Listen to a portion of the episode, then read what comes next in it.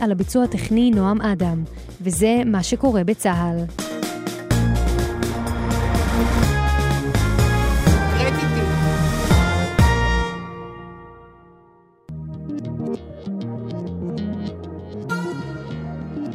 עכשיו, בגלי צה"ל, סמדר פרי עם רצועת הביטחון.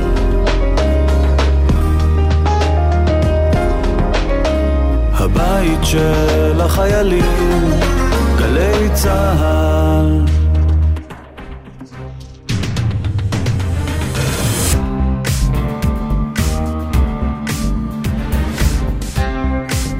ערב טוב.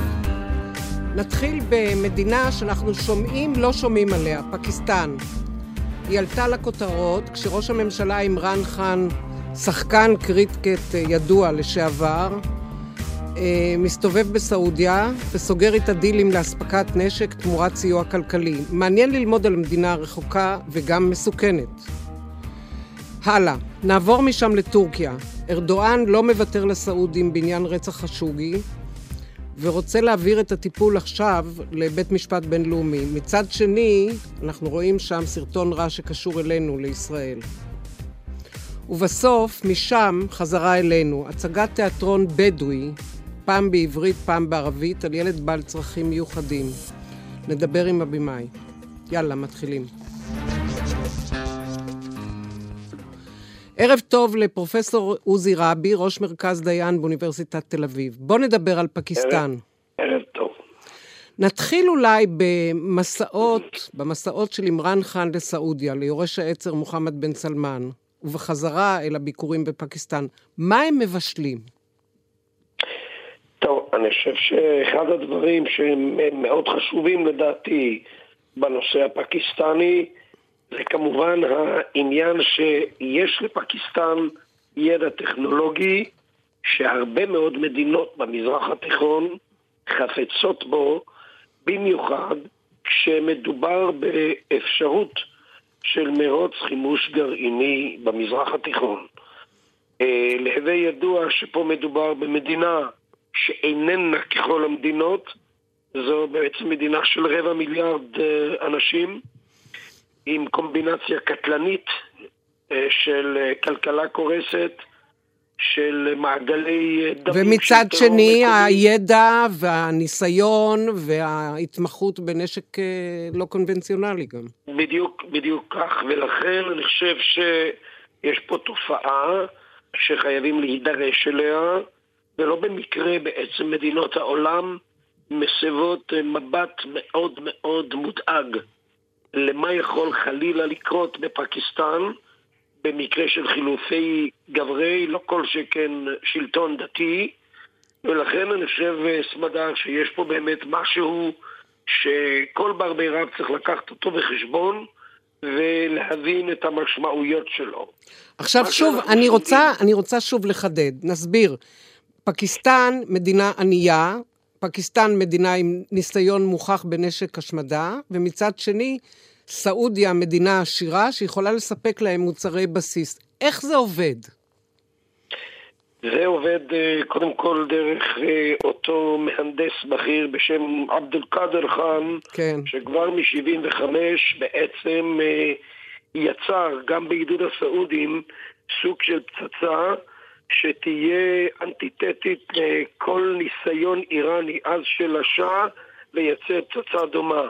אני חושב שמבחינתנו כאן אה, יש באמת אה, סוג של משחק שראינו אותו כבר בשנות ה-70 ואין צל של ספק שהחשד ההדדי שבעצם מקנן בזירה המזרח תיכונית בתת היבשת ההודית הוא זה שמשחק פה תפקיד.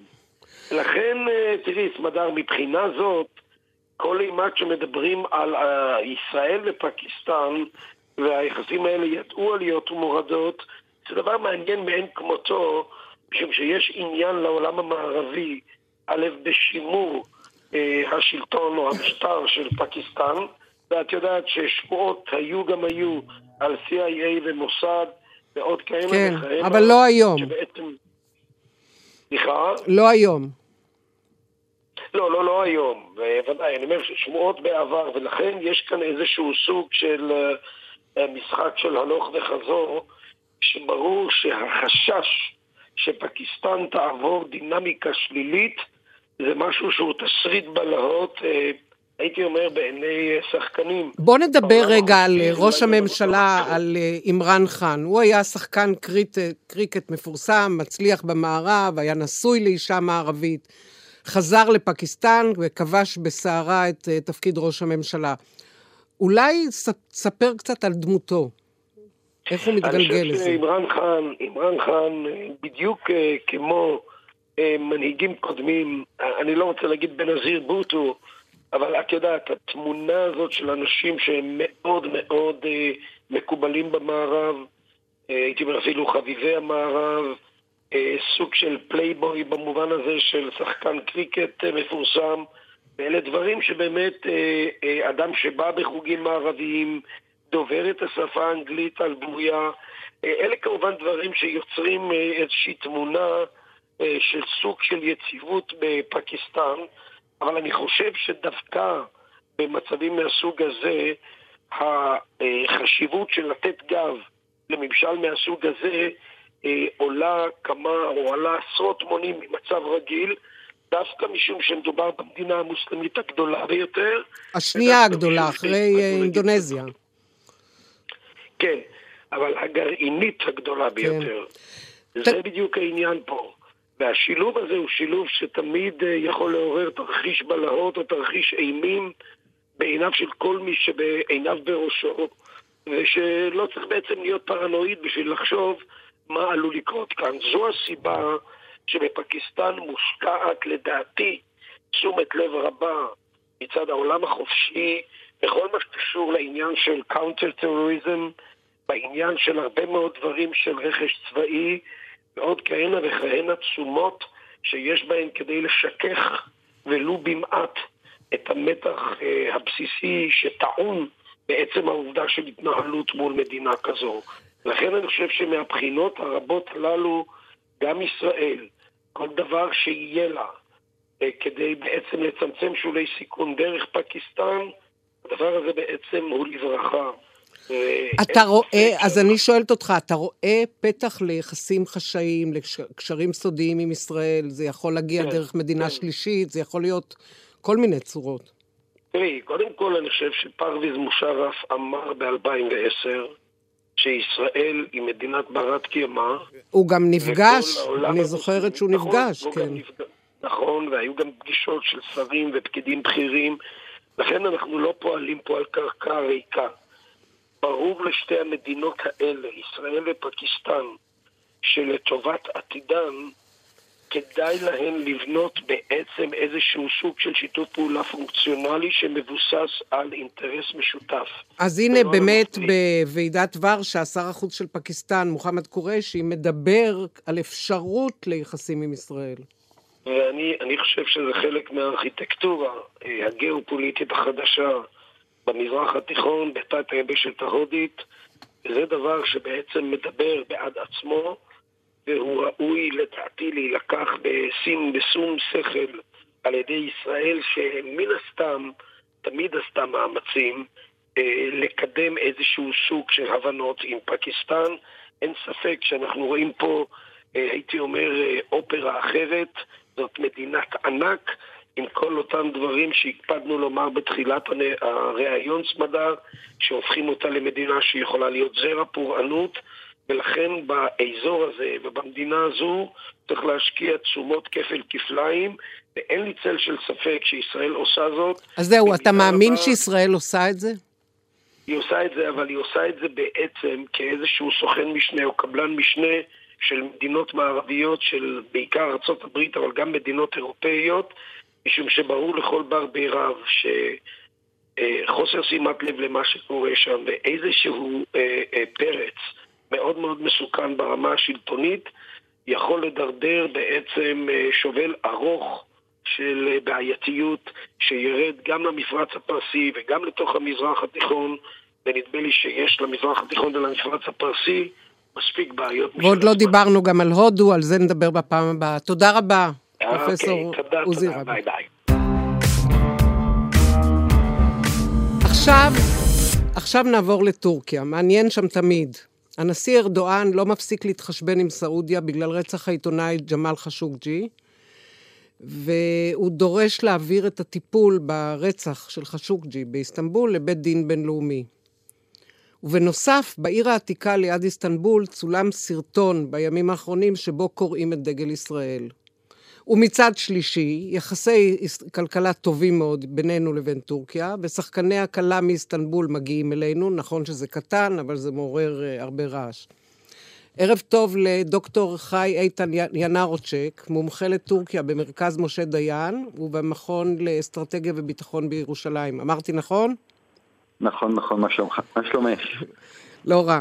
בוא נתחיל עם ארדואן. הוא לא מוותר לבית המלוכה הסעודי בגלל רש... רצח חשוקג'י, אבל לא לשכוח שארדואן, גם הוא יש לו הרבה מאוד תיקים על הגב. הוא זרק לכלא עשרות עיתונאים, מאות אנשי צבא ופעילי ציבור. תפצח את התסבוכת. איך העסק הזה עובד?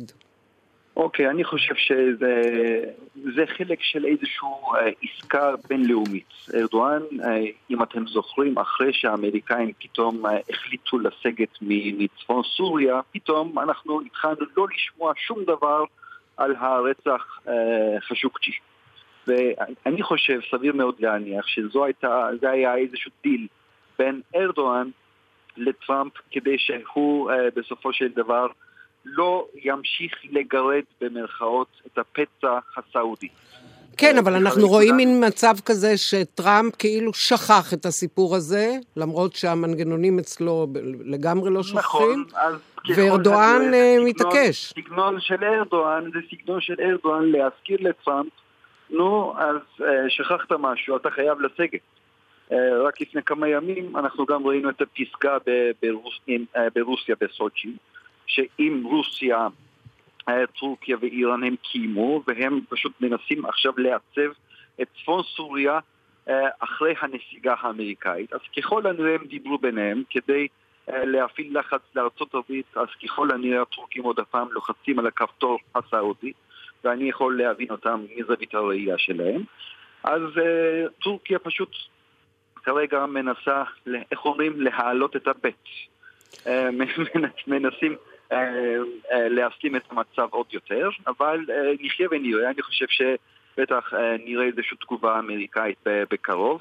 אני לא, אני לא רואה תגובה אמריקאית. ארדואן סיפר אתמול בריאיון לכלי תקשורת לטלוויזיה בטורקיה, איך הוא הראה את סרטון הרצח של חשוקג'י באיסטנבול לנציגת ה-CIA, לראש ה-CIA, לנציגה אירופית בכירה. שלח עותקים לראשי מדינות, וזה לא עובד. אין תגובה. נכון, זה לא, זה לא עובד בינתיים לפחות, כי משום שלכל מדינה, ככל הנראה, יש איזשהו אינטרס מאוד אה, כביר אה, מול סעודיה, סעודיה היא מדינה מאוד אה, חזקה. אה, ארדואן ככל הנראה אה, לא ינסה להתעמת אה, עם ערב הסעודית ישירות, אלא הוא רוצה לעשות דה-לגיטימיזציה נגד אה, מוחמד בן סלמן, הוא רוצה להפיל אותו, מבלי לגרום נזק למלכות ה... הממלכה הסעודית, זה, זה בעצם שם המשחק אה, של האסטרטגיה הארדואנית מה שנקרא. אה, גם אנחנו ראינו את ה... אה, בנאומים של ארדואן, הוא תמיד נתן את הכבוד למלך הסעודי. אבל את ו... ההתקפות הוא שומר לבן סלמן. נכון מאוד, נכון מאוד. כי הוא רואה את בן סלמן כיריב. כל מה שארדואן מייצג, בן סלמן בסופו של דבר מייצג את ההפוך, שחור לבן. עכשיו נדבר על תקרית הדגל החדשה. בעיר העתיקה כן. ליד איסטנבול הביאו... נכון. הביאו מיצג שבסיומו קראו את דגל ישראל. זה נעשה באישור, באישור השלטונות בטורקיה, נכון? זה, אני לא חושב שזה קשור לשלטונות. יש פה איזשהו ערוץ אה, יוטיוב שיש להם עוקבים יותר ממיליון חמש מאות אה, אלף אנשים. אה, והסרטון הספציפי שאנחנו מדברים אה, זכה לכמעט 90 אלף צפיות. אה, הם עשו איזשהו ניסוי חברתי, שני טורקים, שני תיירים כאילו, אבל כמובן הם טורקים ואפילו איסלאמיסטים, מסתובבים בכיכר ליד האזור אמינוני, וברקע רואים את העיר העתיקה באיסטנבול, פשוט מבקשים מהולכים ושבים לצלם אותם ברקע העיר העתיקה. ואז ברגע שבהתחלה אנשים כמובן מסכימים, לאחר מכן, בפתאומיות הם שולפים, את, הם שולפים דגל ישראל מכיסם. כמה ו... מפתיע, מה שנקרא. נכון, ופתאום אה, פשוט כל המצלמות מופנות למצלם, והמצלם מקבל שוק של חייו, ופשוט מסרב לצלם את התיירים הישראלים במרכאות, ורוב המקרים הם אה, החזירו את המצלמות, אה, אבל גם היו כאלה שכן הסכימו לצלם למרות העובדה שהם קיבלו גם שוק של החיים שלהם, והמצלם האחרון דאג גם לקרוע את הדגל לישראל. נפלא. ו... תגיד, אם אתה כן. כיליד טורקיה, כבוחנת אה, ובודק ועוקב אחרי היחסים בין ישראל לטורקיה, אם אתה מסתכל ובודק את מערכת היחסים, מה חזק יותר? היחס הרע של ארדואן אלינו, או הצד הכלכלי שמתבצע למרות ארדואן, או אולי גם בידיעתו? אז uh, תראי, uh, למרות כל המשברים הדיפלומטיים אה, משט, אה, כל מיני מבצעים צבאיים ברצועת עזה, אנחנו רק רואים אה, מגמה, המגמה תמיד עולה במסחר, זה נכון, אבל מצד שני, אנחנו גם חייבים לא לעצום עיניים, אנחנו חייבים לראות עם מי יש לנו עסק, ולצערי הרב אני חייב לציין שבחברה הטורקית חלה עלייה מאוד משמעותית אה, כשאנחנו מדברים על אנטישמיות כמובן, כאילו חלה עלייה אה, מאוד משמעותית באנטישמיות, לא רק אנטישמיות אלא קסנופוביה אה, באופן גורף אני חייב לומר. בטורקית יש איזשהו פתגם, לטורקי אין חבר מלבד הטורקי. ככל הנראה הטראומה הזאת שהם רכשו מימי מלחמת עצמאות עדיין ככל הנראה ממשיכה, אבל היום הם חושבים שהם נמצאים באיזשהו משחק שחמט שטורקיה אה, פשוט מנסה לשרוד בכל המעצמות העולמיות נגד טורקיה, והן בעצם, אה, הטורקים בעצם מנסים לשרוד אה, בזירה הבינלאומית, וארדואן הוא, המלך, הוא המנהיג שלהם. עכשיו אני אשאל אותך שאלה אחרונה ותענה לי בקיצור, כן. כי זמננו עומד להסתיים. והנה הכלה מאיסטנבול שמככבת אצלנו בערוצי הטלוויזיה וזוכה לצפייה אדירה, חסרת כן. תקדים.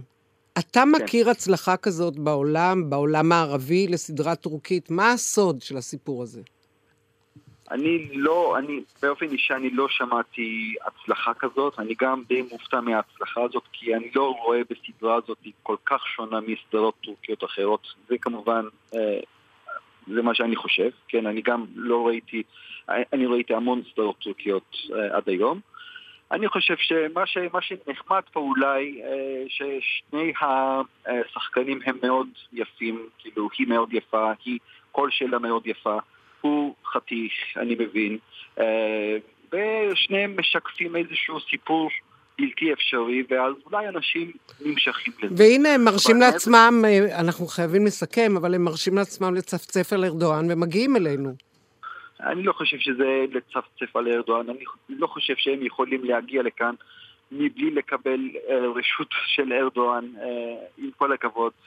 אני, אני לא חושב שהם מצפצפים, בטח הם קיבלו כל מיני אישורים, uh, כמובן מבלי להעדיף את התקשורת. אני כמובן לא מתבסס על מה שמוחשי כן. אני קצת מכיר את טורקיה ואני בטוח... שהם, ב- שהם ש- דאגו שיש, לעצמם. שהם דאגו לעצמם בוודאי, לא כדי, בוא, בוא, בואי נגיד ככה, אה, כדי למלא את אה, מנור המבטחים הם לא יהרסו את החיים שלהם בטורקיה. הבנתי. תודה רבה. תודה לך. להתראות. עכשיו חוזרים אלינו ונעסוק בהצגה. ערב טוב לקאיד אבו לטיף. קודם כל, ספר על עצמך, אנחנו לא מכירים. מאיפה אתה? מה למדת? קייד אבו לטיף, אה, אני למדתי תיאטרון, קולנוע, אה, והעבודה שלי בהשקה בין שני התחומים האלה. אה, אנחנו מדברים על הצגת עבדו, הצגה שעלינו לראשונה בפסטיבל עכו ב-2006, ואמרנו, אנחנו איך, אנחנו בשעה ההצגה, אנחנו מדברים על סוגיה מאוד כואבת תכף שאנשים... נדבר, תכף נדבר על ההצגה, אבל אני רוצה קצת יותר, עוד, עוד פרטים עליך. אבא טרי, אה, נולד לי בן לפני חודשיים. אה, אני בן 34 מהעיר רהט, מנהל האומנותי של תיאטרון הנגב. תיאטרון, סליחה, תיאטרון אל-מהבש. מה זה אל-מהבש? מה זה? מה אל-מהבש, אל-מהבש זה הכלי לקטישת קפה. אה, במסורת הבדואית, אנחנו מכירים את הכלי הזה שקודשים בו את הקפה. התיאטרון נוסד אה, ב-2006 ואנחנו עובדים אה, עם תיאטרון הנגב במועצה האזורית אשכול במשותף. מה שמייחד את התיאטרון הזה, שאנחנו, כל הצגה שאנחנו בונים, אנחנו עושים גם גרסה ערבית וגם גרסה עברית. ויש לכם מספיק שחקנים אנחנו... גם בערבית וגם בעברית? אנחנו, אה, יש לנו אנסמבל וכל שנה אנחנו יש לנו אה, על מנת, כי אה, אין בתי ספר למשחק בעיר רהט, המונה כ-70 אלף תושבים, אבל אנחנו עם בית ספר גוטמן, בית ספר למשחק, אנחנו כל שנה יש לנו מחזור חדש של שחקנים שהם משתתפים גם בסדרות, חלק מהם גדול שיחק בעונה האחרונה בפאודה וגם בהצגות שאנחנו מעלים. אה, הייחודיות של התיאטרון הזה שהוא מביא אה, סיפורים של כאן ועכשיו של החברה הבדואית והערך המוסף שהוא מביא שגם קהל ישראלי שהוא לא דובר את השפה הערבית אה, דרך השותפות רבת השנים עם תיאטרון הנגב במועצה האזורית אשכול אנחנו עושים את זה יחדיו שאותה הצגה תוכלי לראות גם בערבית וגם בעברית. עכשיו, עכשיו דבר על ההצגה, על זו הצגה שהמוקד שלה הוא ילד עם צרכים מיוחדים והיחס הרע שהוא זוכה לו. תגיד, קודם כל, אנחנו... זה חשבון אה, נפש? זה חשבון נפש עם האבא, נכון? זה חשבון נפש עם האבא, אבל בעיקר זה חשבון נפש עם החברה. עם החברה שהיא כל הזמן, אה, את מדברת פה על חברה אה, שבטית, גברית, שכל דבר שהוא לא מושלם בעיני החברה, אז מודחק ומוסתר, ובטח ובטח כשהוא אה, צעיר אה, בעל צרכים מיוחדים. אנחנו אמרנו, נלך על, כל הקופה, אנחנו נגזים עד הסוף, נקשור את השחקן בשרשראות ונזרוק אותו אה, בחצר הבית. אני ראיתי תמונות כאלה, אני זוכרת שראיתי ו... תמונות כאלה, הן היו תמונות מאוד מאוד קשות. ואז אנחנו מגלים את המציאות יותר, יותר חזקה ויותר כואבת מאשר בהצגה. אה, אנשים אה, בני 30 ו-40, אה, בעקבות ההצגה המשטרה גילתה סיפורים אמיתיים שקורים היום, כאן ועכשיו בישראל, ב-2019, שאנשים מוחזקים 15 שנה בדיר כבשים, וזה יעני כאילו חוצה מגזרים, זה גם אנחנו ראינו את זה בבתי חולים הסגורים ובמוסדות הסגורים בחברה הישראלית, שאנשים קשורים עומדים באזיקים שלא יצאו ועושים את הצרכים שלהם בדלי.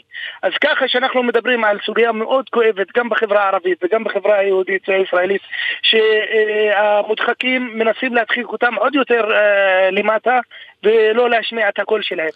אנשים בדרך כלל ברהט כשאנחנו מביאים סוגיות כואבות שנוגעות לבעיות האמיתיות שאנחנו סובלים מהן, אז אה, כשאת מביאה את זה בדרך אה, כלל אה, בערב עיון, אז אנשים מתקשים לקבל את זה, מתקשים לשמוע את זה. לא רוצים... ספר על התגובות במגזר הבדואי, כשאתם מציגים את ההצגה, לא ערב עיון, אלא את ההצגה. מה...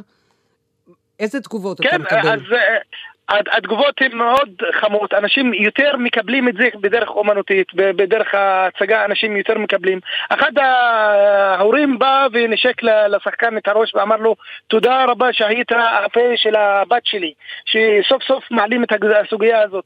סוף סוף מדברים על זה שהם לא נטל על החברה, אלא איך לשלב אותם גם בחינוך הבלתי פורמלי, איך משלבים אותם בבתי ספר רגילים.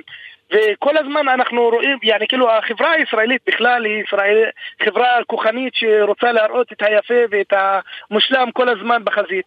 וכל האנשים בעלי צרכים מיוחדים שהם חלק מאיתנו. אתה, הם, אתה, הם אתה נחשפת, אתה מכיר אה, מקרים כאלה של אה, ילד עם אה, חריג, ילד עם צרכים מיוחדים?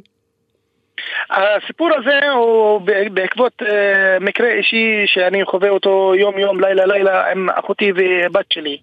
ואני, כשאני ניסיתי לפנות למקומות ברהט, אני מצאתי כל הזמן... רגע, אתה מדבר על אחותך שהיא מקרה חריג ועל הבת שלך? על הבת שלי כן, זה, ההצגה זה נבעה מהצורך הזה, שמה הם, הם חלק בלתי נפרד מהחברה שלנו, הם הילדים שלנו, מהאחים שלנו, והם צריכים להשתלב, הם צריכים לעבוד. אמנם אין את המסגרות, אבל לפחות את המודעות הזאת חייבים להעלות, ואם לא בתיאטרון אז מה?